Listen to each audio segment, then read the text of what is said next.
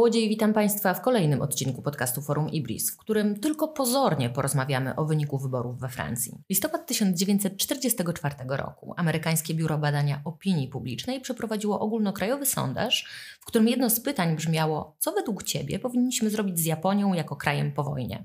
13% odpowiedziało: zabić wszystkich Japończyków. Marzec 2022 roku. Świat dowiaduje się o masakrze w Buczy. Europa jest wstrząśnięta. A Francja zaraz potem oddaje ponad 40% głosów na polityczkę, która jawnie od lat popiera winnego tym zbrodniom Władimira Putina. Co łączy te dwa fakty? Czy społeczeństwa dojrzewają do jakiegoś przewrotu?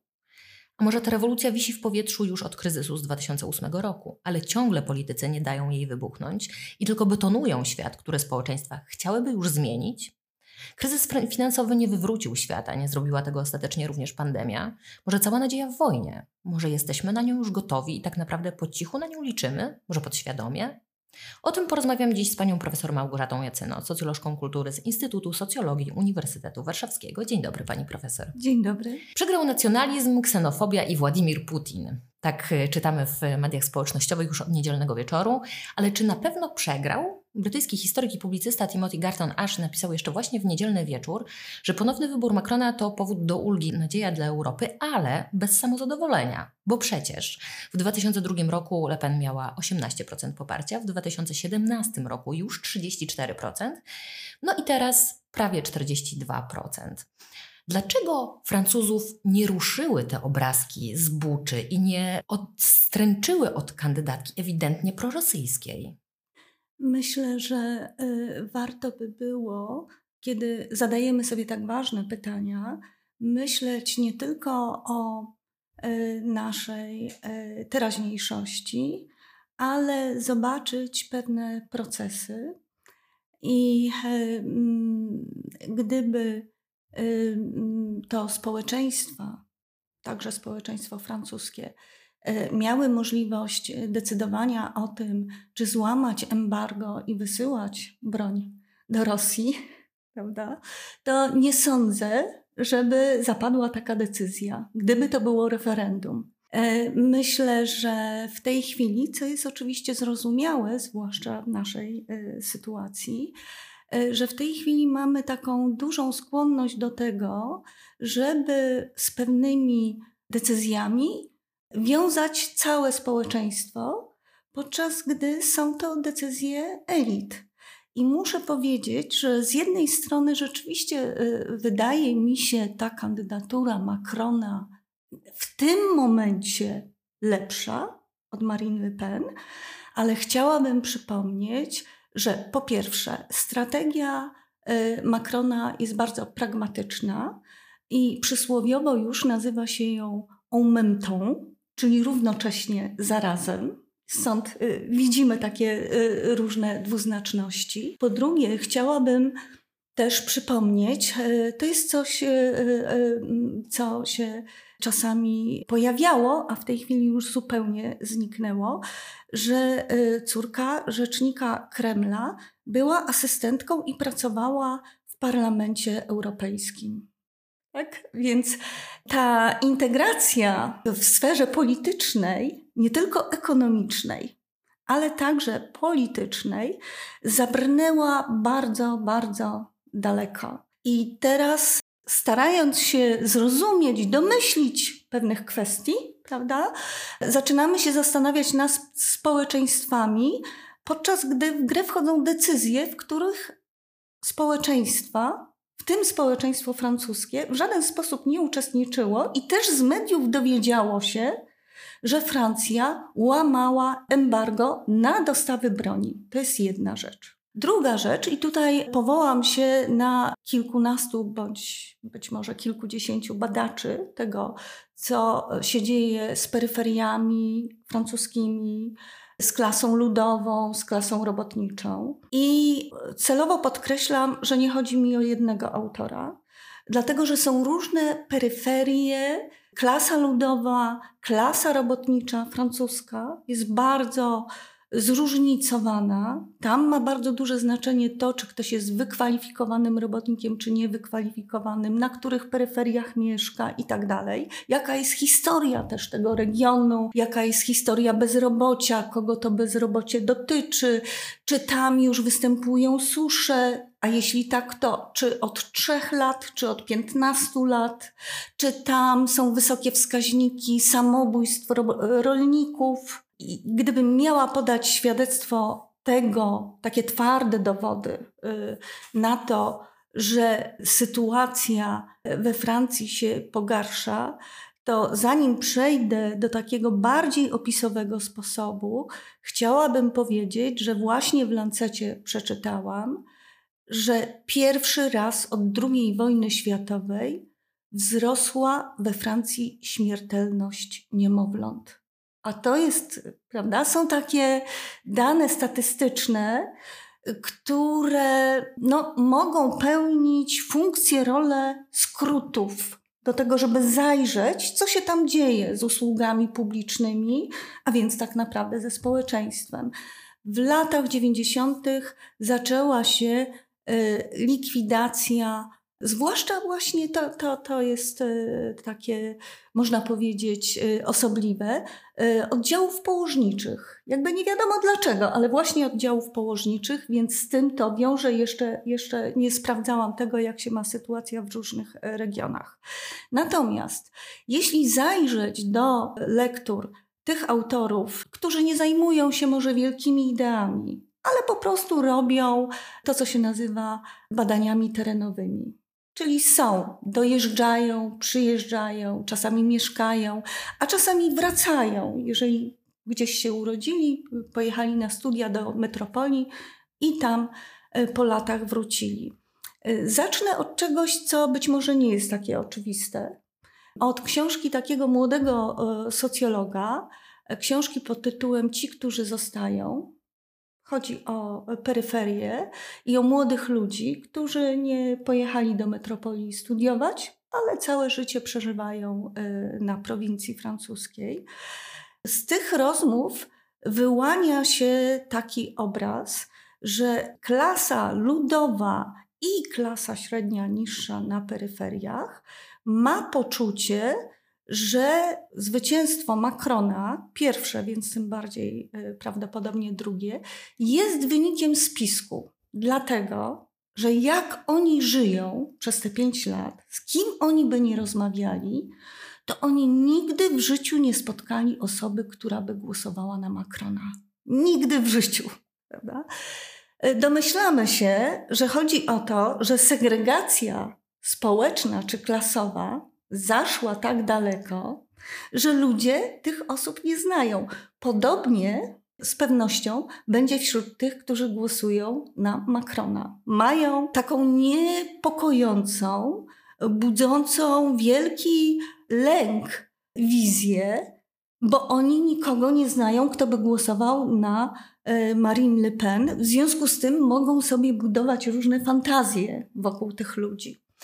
E, to jest jedna rzecz, prawda? Segregacja społeczna, segregacja klasowa, przy czym warto od razu wnieść pewną sprawę, a mianowicie na Marine Le Pen głosują również imigranci, którzy mieszkają na prowincji którzy są swoimi, swojakami i ich etniczność y, tam została y, y, wymazana, jeśli można powiedzieć, prawda? Albo mają podwójne pochodzenie i tak dalej. Druga rzecz, która z prac tego autora zwraca uwagę, to to, że część, mówię tutaj o niektórych badaniach, za chwilę powiem o innych, gdzie się pojawią inne wątki.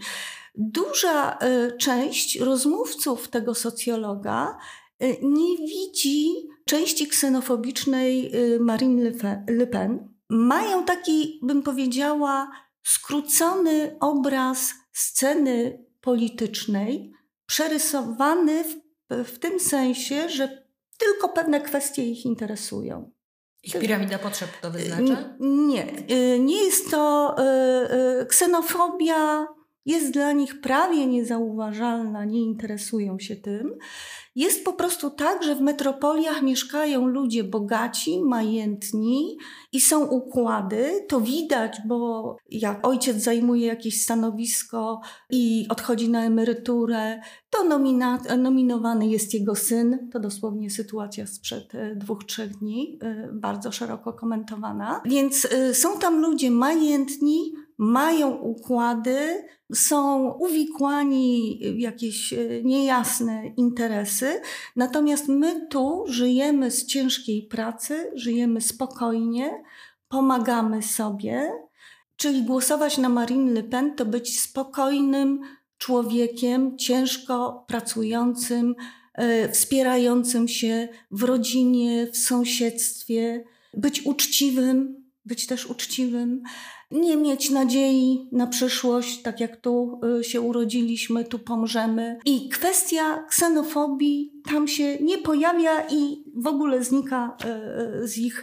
wizji. Od I wojna w Ukrainie w ogóle tego nie zmieniła w żaden sposób?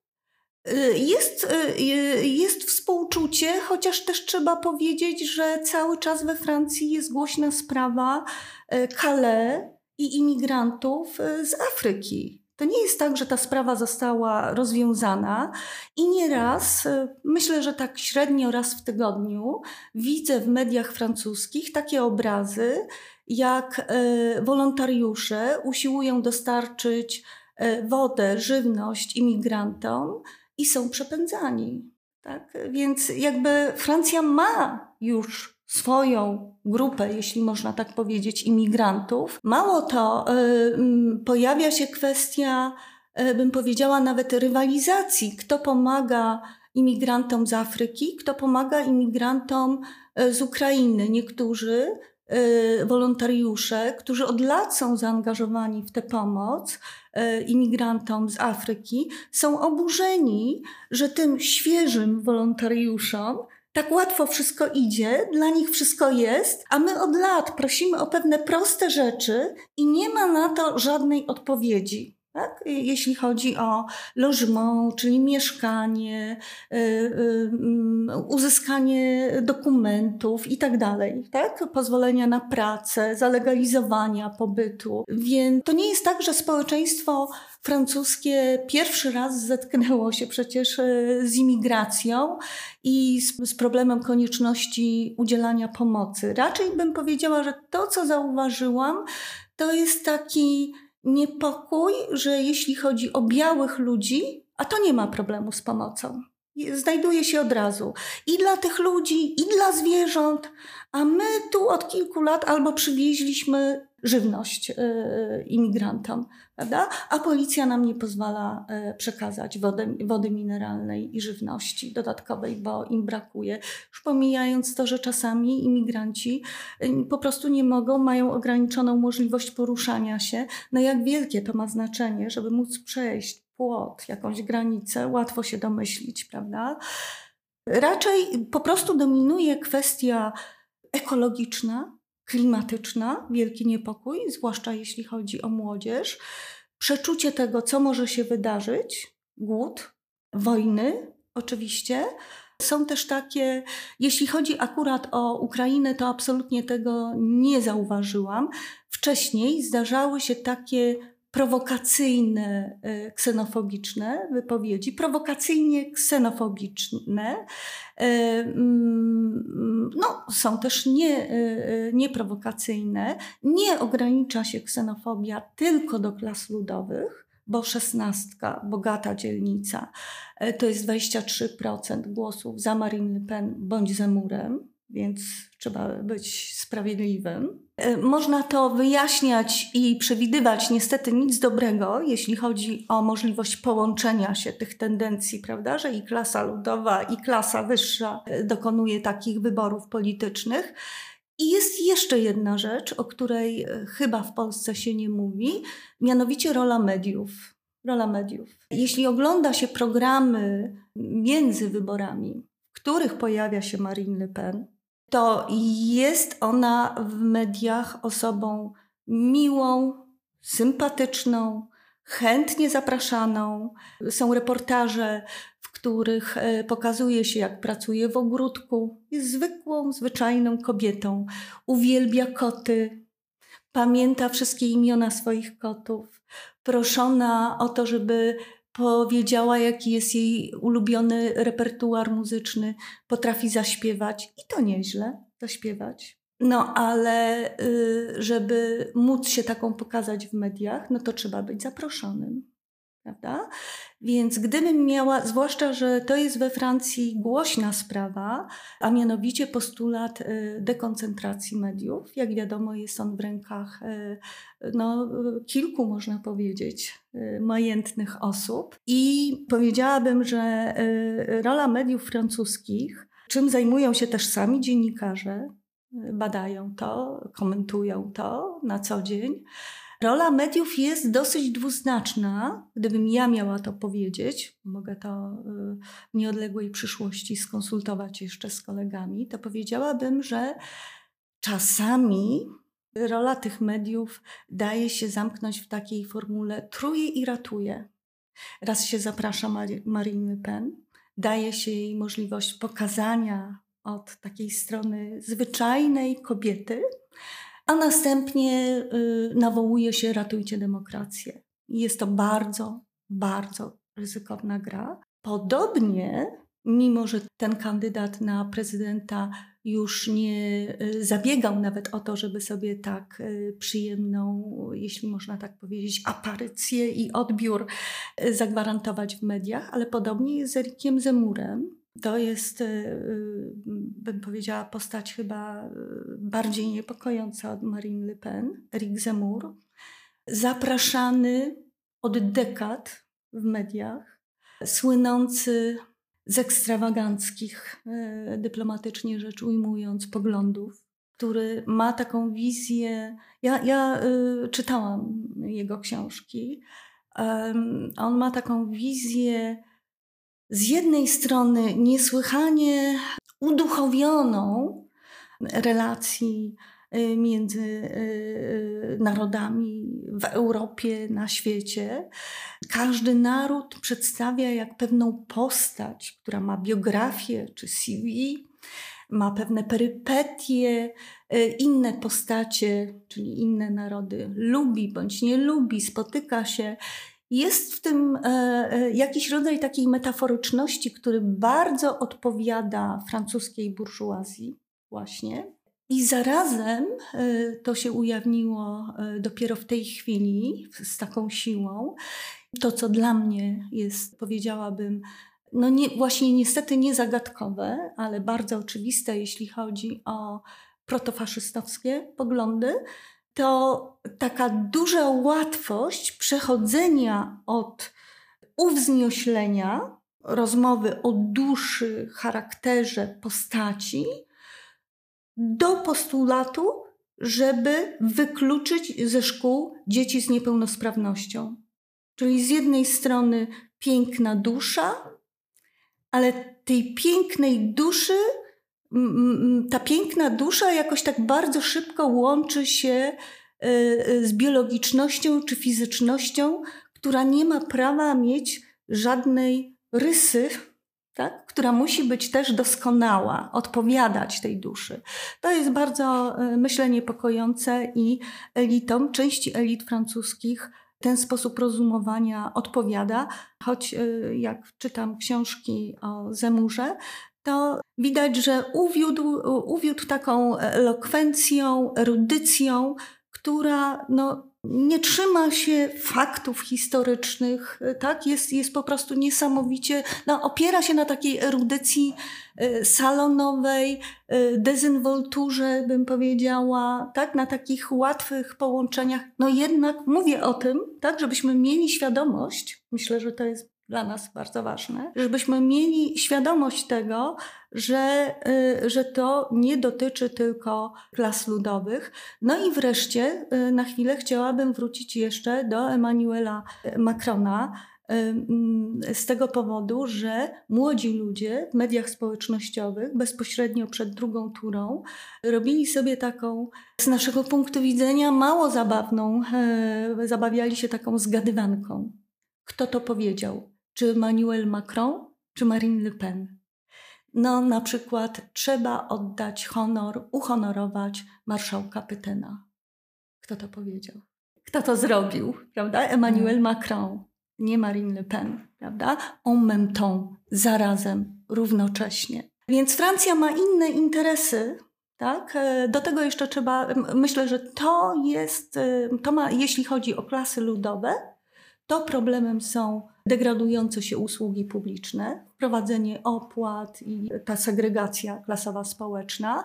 Natomiast jeśli chodzi o elity francuskie, zary, zaryzykowałabym, zaryzykowałabym, że chodzi o mocarstwową pozycję Francji. Tak? O to poczucie, że Francja traci tę pozycję mocarstwa, a ostatnie wydarzenia, a mianowicie zakup broni przez Niemcy od Stanów Zjednoczonych, co prawda tłumaczy się, że to jest inny rodzaj sprzętu, że taki Niemcom bardziej odpowiada, mam na myśli 60 chyba, prawda, samolotów. Co prawda w ten sposób się to tłumaczy, no niemniej jednak to pokazuje, że nie ma współpracy militarnej w ramach Unii Europejskiej, tak by trzeba było, bo tutaj mieszają się te jakby interesy i pozycje związane z przynależnością do sojuszu militarnego i, prawda, do tego wspólnego rynku, sprzedaż broni czy produkcja broni, czy to jest NATO, kwestia NATO, czy to jest kwestia rynku europejskiego, prawda?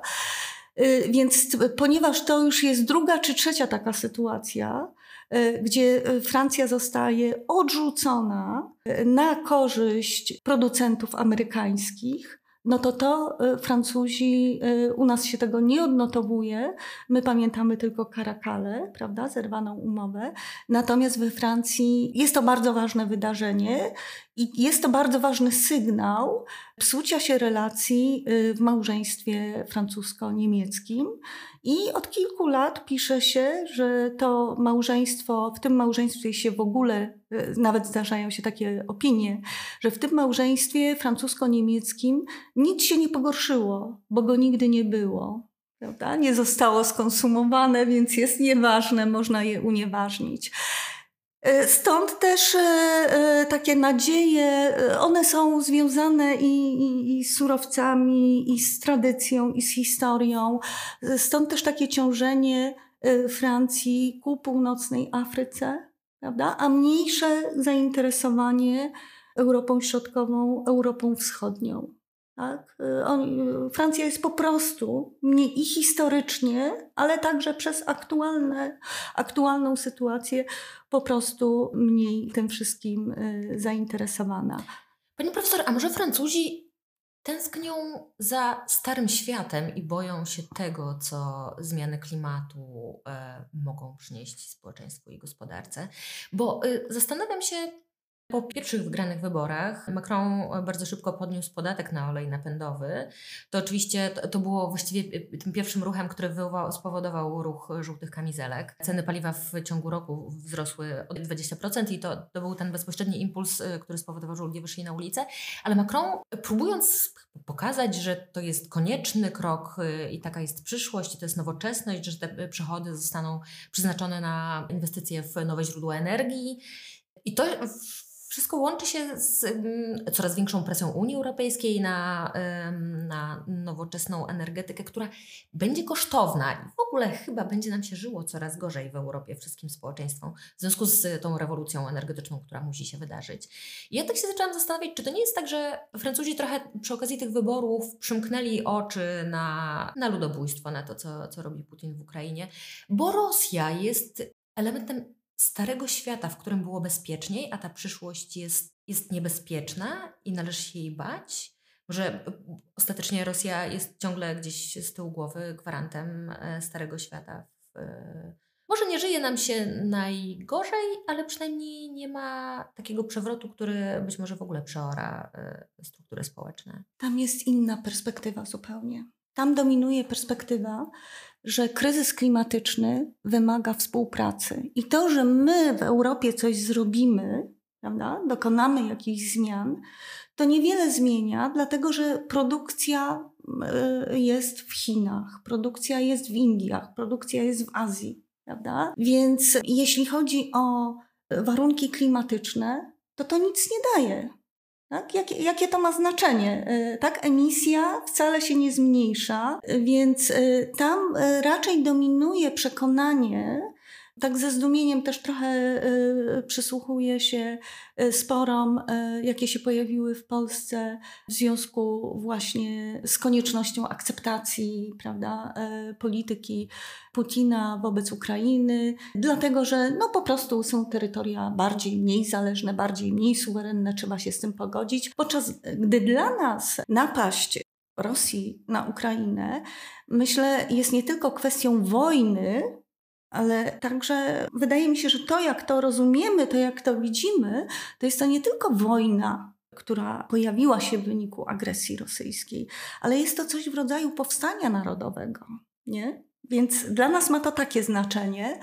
Oczywiście to Francuzi też doceniają. To jest dla nich bardzo ważne, że to jest powstanie narodowe, że tutaj ujawnia się pewna podmiotowość i wielu historyków, y, wielu studentów też po prostu to docenia. To jest w ogóle dla Francuzów ważne. Natomiast źle widzą przyjmowanie neoliberalnych reform przez Polskę. To jest potulność, to jest zgoda, to jest brak podmiotowości. Mhm. Tak? Y, oni mają inną perspektywę. Tak? I kryzys klimatyczny wymaga współpracy. Jak można prowadzić wojnę, która zapowiada się na 5, może 10 lat? To wymaga produkcji broni. Przecież to nie będą proce, tak, e, produkowane. To wymaga dużej produkcji broni, militaryzacji. No to musimy się pożegnać z kwestiami e, kontrolowania klimatu. Prawda? I jeden z kandydatów, ten, który jest nazywany radykalną lewicą, Mélenchon, no bo tam, ma, tam jest duża część młodzieży, jest przy Marine Le Pen i przy Mélenchonie, prawda, młodzież. Macron ma starych wyborców no to e, właśnie oni raczej nie myślą, starzy wyborcy raczej nie myślą i wiadomo, że ten projekt ekologiczny Macrona no jest oceniany źle, już nie tylko prawda, we Francji, bo we Francji zawsze był oceniany jako zły, to znaczy jako, jako markowany, o tak bym powiedziała, prawda, czysto retoryczny. Wiadomo, co się stało z panelem ekologicznym obywatelskim, prawda, wszystkie pomysły zostały utrącone. Kwestie klimatyczne według Francuzów wymagają współpracy a nie wojny. Wojna nas tylko oddala od y, rozwiązania tego problemu. Tak? Ale może wojna jest szansą na to, żeby przewrócić dotychczasowy porządek. Przecież ostatecznie ja wspomniałam o porządku tych, y, tego ruchu żółtych kamizelek, ale tak naprawdę tam wcale nie chodzi o y, ceny energii. Tam w ogóle nie ma jednego spójnego programu. To zależy od, od regionu na przykład, też od chwili ten ruch jednak już, już dłuższą chwilę trwa. Być może, czy nie jest tak, że społeczeństwo francuskie dojrzało, co pokazuje buzowanie tego ruchu żółtych kamizelek, dojrzało już do jakiejś zmiany i może właściwie dlatego się tak bardzo nie oburza na prorosyjskie y, nastawienie Marie Le Pen, że, że może potrzebuje takiej mocnej y, zmiany i może dojrzało do wojny. Może dlatego ta wojna w Ukrainie tak bardzo y, Francuzom nie przeszkadza. Mówi się, tego, że... mówi się o wojnie domowej. Oczywiście, mówi się o niebezpieczeństwie wojny domowej mówi się, no już wiemy, prawda, że było kilkaset manifestacji w nocy we Francji. Mówi się, i teraz mam pewien problem. Mam pewien problem, dlatego że nie jest to dobry moment, żebym użyła pewnej interpretacji, która pojawiła się e, przed e, pandemią, pewnej interpretacji, dotyczącej tego, co się dzieje w Europie i jakie znaczenie mają nierówności ekonomiczne. Pani pyta mnie, i to jest zrozumiałe, o Francję w tym momencie. Chciałabym powiedzieć coś takiego, że jeśli chodzi o wzrost nastrojów prawicowych w Europie, to najlepszym porównaniem, odniesieniem do tego jest właśnie kryzys klimatyczny. Kryzys i nie chodzi mi tylko o to, że to są kryzysy, które jakoś się do siebie dodają. Kryzys klimatyczny i kryzys polityczny w Europie. Mam na myśli to, że tak jak długo nie przyjmowaliśmy, no nie przyjmowaliśmy, y, nie mówię w tym momencie o sobie, ale mówię o polu politycznym, nie przyjmowaliśmy do wiadomości, że jest kryzys klimatyczny. Ostatnia dekada przed pandemią to są debaty ograniczające się do tego, czy zrezygnować z reklamówek, dlaczego Polacy nie chcą zrezygnować z reklamówek. Prawda? Dziś wiemy, że to jest prawda, bardzo punktowa sprawa i bez znaczenia można powiedzieć. I podobnie jest, jeśli chodzi o kryzys polityczny. Chciałabym przywołać takie wydarzenia. Chemnitz, zamieszki antyimigranckie w Niemczech, w Szwecji ostatnio. Następnie słabnąca pozycja Bidena. Nigdy nie była mocna, e, słabnąca i cały czas żywy, no nie tylko duch Trumpa. E, wiadomo, że tam jest e, inny kalendarz wyborczy, więc za chwilę będziemy mogli się o tym przekonać. Następnie umyka nam wiele takich wydarzeń, jak lokalnych, bardzo lokalnych, jak na przykład w czasie pandemii wydalenie z uczelni brytyjskich studentów, którzy mimo e, rozmaitych restrykcji sanitarnych, które jakie były, spotkali się, robili sobie imprezy, nie tylko Boris Johnson, ale nie dlatego zostali wydaleni.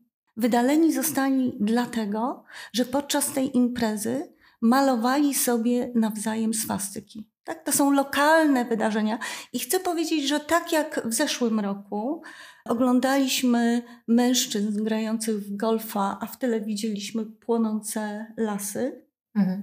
nic z tym nie zrobiliśmy. Prawda? Nic z tym nie zostało zrobione. No i patrzyliśmy. I nawet wielkich komentarzy nie było, wielkich wywiadów też nie było, tylko są liczby, liczby, giną gatunki, giną lasy i tak dalej.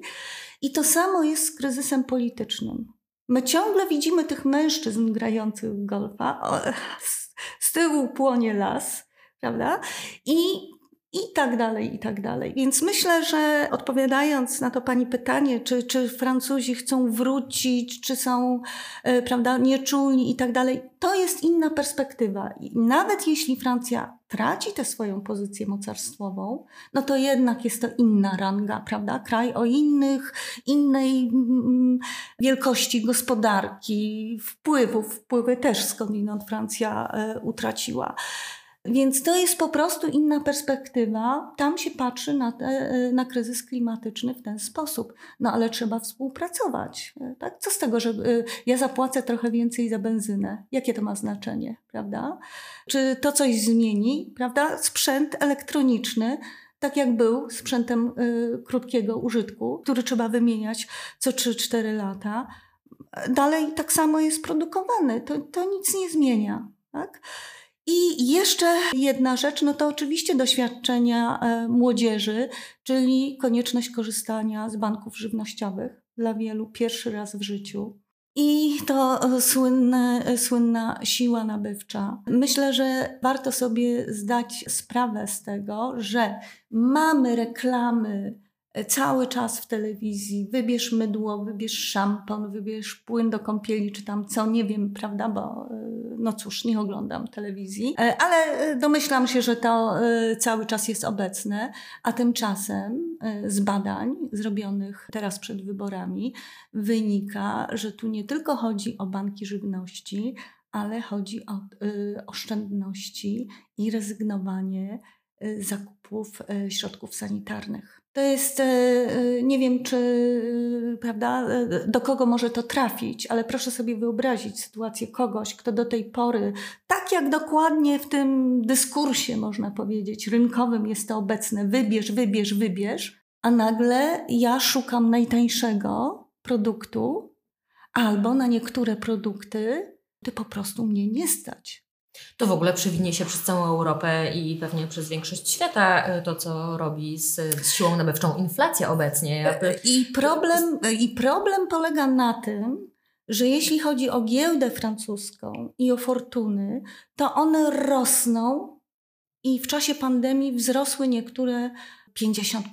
Te fortuny rosną, a na pierwszą turę wyborów e, jeden e, z członków rządu Macrona przyleciał odrzutowcem teraz już no, inną formę, inny środek transportu wybrał. Dwie kwestie się pojawiają. Nam się zbija to w jedno, prawda, że młodzież, która nie interesuje się Ukrainą, jest być może e, tak protofaszystowska, akceptuje to.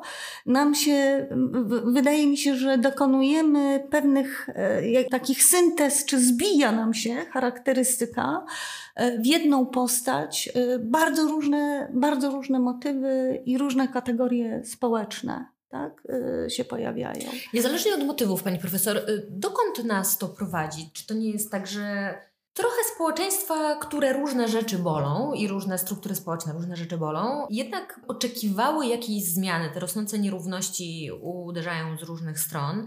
2008 rok rzeczywiście y, świat finansowy zachwiał się w posadach. Ale ostatecznie nic się nie wydarzyło. Politycy uratowali finansistów i wszystko zostało po staremu. Pandemia też miała właściwie bardzo wiele zmienić. Ten pierwszy szok był taki, że, że właściwie cały świat może się zawalić nie zawalił się. Trochę się zmienia, ale powoli żadnej wielkiej, żadnego wielkiego przewrotu nie było. Szczególnie lewica liczyła na duży jakiś przewrót, który zupełnie zamiesza strukturami społecznymi. Nie zdarzyło się to.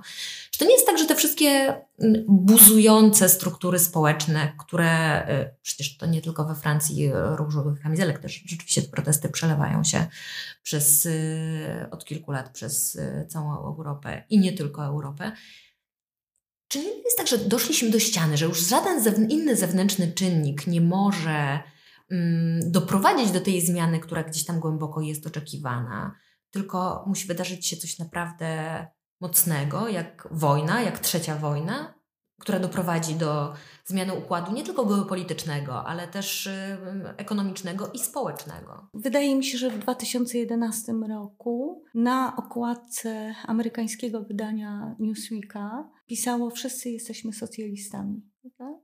I w, we wstępnym artykule autor tak yy, pisał. To, że yy, potrzebne są mieszkania, to, że musimy mieć silną, dostępną ochronę zdrowia, e, świetne szkoły, to już jest oczywiste. Nie ma o czym rozmawiać. W Polsce to nie jest oczywiste. Właśnie. Chcę powiedzieć, że to jest ciąg dalszy pewnych procesów. Rozą walą to są jakby różnej maści, e, jeśli można tak powiedzieć, e, badacze, ekonomiści, socjologowie, ale też e, na przykład, a więc na przykład Rozą walą, powiedzmy, że zalicza się go do lewicy. Piketty, powiedzmy, że zalicza się go do lewicy we Francji bardzo niechętnie. Konserwatysta Scipio, Boltański, powiedzmy, że do lewicy. Nie, nie, nie wszyscy i niechętnie. E, mieli publiczne wypowiedzi przed pierwszą turą wyborów i wszystkie są identyczne. One się tam trochę różnią, na różne rzeczy ci autorzy wskazują, tak, do, do, do, do różnych jakby perspektyw, pojęć są przywiązani, ale e, ci wymienieni przeze mnie autorzy i wielu, wielu innych, Brino, mam na myśli młodych, Brino Amable czy e, Dawid Kaila, Thomas Porcher, mówią jednoznacznie, i to jest publikowane w Le Monde, w Libération, w telewizji się wypowiadają. Macron jest odpowiedzialny za wzrost siły Marine Le Pen. Jest odpowiedzialny i to się nie stało między turami, prawda? Ale miesiąc, dwa miesiące, jeśli pamiętam Piketty'ego, to bodajże w lutym czy w marcu już prawda? Mówił o tym, że jednoznacznie Macron jest za to odpowiedzialny, a w 2005 roku Lig Boltański w takiej drugiej przedmowie do, do kolejnego wydania Nowego Ducha Kapitalizmu napisał: Żyjemy w fascynujących czasach, jeśli chodzi o badaczy. Bo oto jesteśmy świadkami tego, jak rozpada się państwo. Sytuacja jest fascynująca badawczo i niesłychanie groźna społecznie. Powtórzę jeszcze raz, że pewnych interpretacji, zwłaszcza w tej chwili, nie warto wnosić. One jeszcze, y, ja myślę, że będzie się dużo zmieniało, y, tak jak na przykład y, jakoś się uzewnętrzni i przyjmie w Polsce, że Izrael rezygnuje z rezerwy w dolarach i w euro. To w końcu jakby zapewni sobie odpowiednią e, rangę i wtedy będzie możliwość e, powiedzenia także e, innych rzeczy. Pani mówi o III wojnie światowej. Ja oglądam też z różnych powodów, nie chciałabym jakby przedłużać swojej wypowiedzi i usprawiedliwiać się, dlaczego to robię, natomiast mogę to polecić słuchaczom i słuchaczkom. Ja słucham wiadomości i czytam wiadomości indyjskie. I tam, e, jeśli dobrze pamiętam, na początku marca ogłoszono, że jesteśmy w stanie III wojny światowej. Więc pytanie o to, czy trzecia wojna światowa wybuchnie, czy też nie wybuchnie, w Indiach już zostało rozstrzygnięte. My teraz rozmawiamy, bo jest trzecia wojna światowa. I się zastanawiamy, czy ona wybuchnie. Tak? Ale perspektywa indyjska jest zupełnie inna. My rozmawiamy w warunkach trzeciej wojny światowej. Trzeba o tym pamiętać, zwłaszcza, że mamy deglobalizację, nieglobalizację.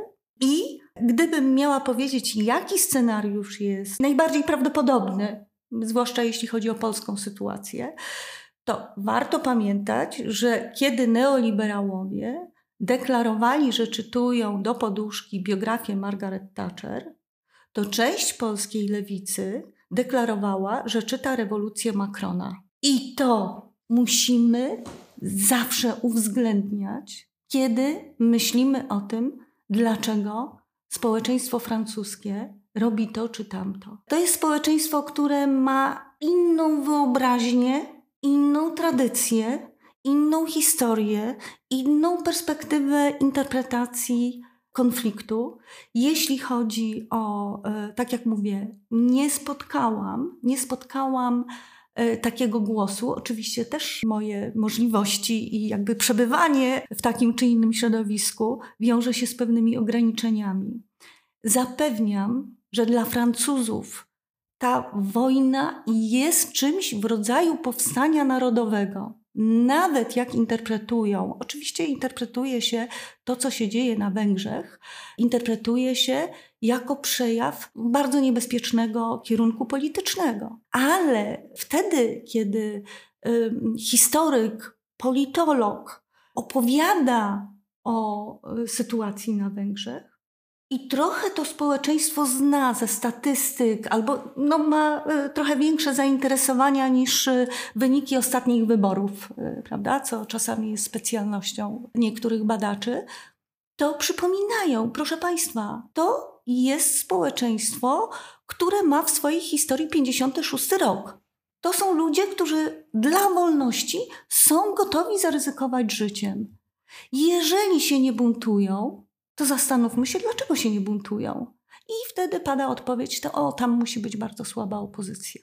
Więc jeżeli chodzi o polską sytuację, to powiedziałabym, że musimy wziąć pod uwagę to, że czyta się biografię Thatcher, a rewolucja Macrona miała być źródłem inspiracji dla części polskiej lewicy, a w perspektywie francuskiej przytoczyłam autorów nieuchodzących za lewicę. E, w perspektywie francuskiej to jest człowiek, e, tworzy przyczyny do zwycięstwa e, Marine Le Pen. Więc coś jest nie tak z integracją europejską. Nasze perspektywy się nie wyrównały, prawda? Mamy wspólny rynek, nie zbudowaliśmy sobie wspólnej perspektywy i być może z tego powodu nie tylko się głowimy, ale mamy całkiem egzystencjalny dylemat. Czy i jak przeżyjemy i co nastąpi. Według mnie szanse na odbudowę państwa, w którym nie będzie wojny społecznej, w którym nie będzie się sporządzało rankingów zbrodni, co jest gorsze, zabijanie tych czy zabijanie tamtych? Czy, czy głód jest gorszy i śmierć z głodu w Afryce? Czy śmierć pod bombami w Afryce? Czy w Ukrainie? No, muszę powiedzieć, że mam problem z takimi rankingami. Oczywiście jest to zrozumiałe, że my, jak w tej chwili rozmawiamy, boimy się po prostu o swoje życie. Całkiem fizycznie i to przestaje być kwestią y, rozważań. Jeszcze y, podejrzewam rok temu byśmy rozmawiały być może w takiej formule filozoficznej. Kondycja człowieka, śmiertelność, widmo, tak i tak dalej. Może ten, może Freud, może ktoś jeszcze, a dzisiaj rozmawiamy zupełnie inaczej. Rozmawiamy zupełnie realnie w Polsce, bo y, ja przywołałam badanie Ibrisu z marca, w których 65%, 64% Polaków mówiło, że obawia się realnego ataku Rosji na Polskę. Tak? Proszę Pani, w ogóle inaczej byśmy rozmawiali, bo czasami ktoś się zastanawia, czy Putin użyje broni jądrowej, y, czy nie. To wyobraźmy sobie, jak byśmy rozmawiały, gdybyśmy były absolutnie pewne, że nie użyje tej broni. Nie wiem, bo na przykład jej nie ma. No przecież to by była, no może nie wesołkowata rozmowa, ale zupełnie inaczej byśmy rozmawiały. Wtedy prawdopodobnie w ogóle wszystkie społeczeństwa y, albo większość europejskich społeczeństw byłaby zgodna co do tego, że prawdopodobnie, prawdopodobnie. wojska NATO na Ukrainę i w dwa dni sprawa jest załatwiona. Prawdopodobnie. Jeśli chodzi o możliwość odbudowy państwa, a więc zapewnienia i pokoju społecznego, i, i możliwość skoordynowania różnych działań i unikania tego rodzaju dylematów, dlaczego Francuzi to, a, a Polacy to, prawda? To jeśli chodzi o możliwość uniknięcia tego rodzaju dylematów, no niestety widzę jedną, jeden scenariusz. Upadają usługi publiczne zupełnie, są odpłatne. Nie wiem, jak długo to trwa. Widać, że w Stanach Zjednoczonych no może to długo trwać. I mm, żeby trochę ta konkluzja nabrała e, rumieńców, ale nieciekawych, to powiedziałabym w ten sposób. Coś zacznie się dziać, jak przestanie się uśmiechać klasa średnia, a przestanie się uśmiechać, bo nie będzie miała zębów i się będzie wstydziła uśmiechać. I wtedy może coś się pojawi.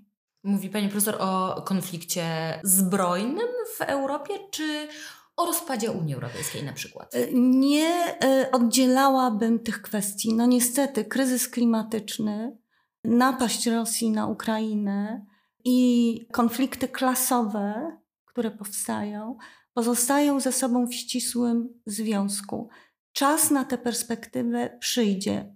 I wtedy bym z panią rozmawiała zupełnie inaczej. Może nie zupełnie, ale połowa rozmowy wyglądałaby inaczej nasza. Nie jest to dobry moment y, mówić prawdę, że tak powiem. Ma pan kompleks Edypa, prawda? No i mam, ale nie będę z tego powodu chodzić 11 lat, prawda? Przeczytałem to w książce Wielka mi wiedza, za którą trzeba jeszcze w dodatku zapłacić 240 zł, prawda? Y, więc przyjdzie czas, Przyjdzie czas, kiedy będzie można rozmawiać inaczej. Nie sądzę, żeby to była perspektywa kilku miesięcy.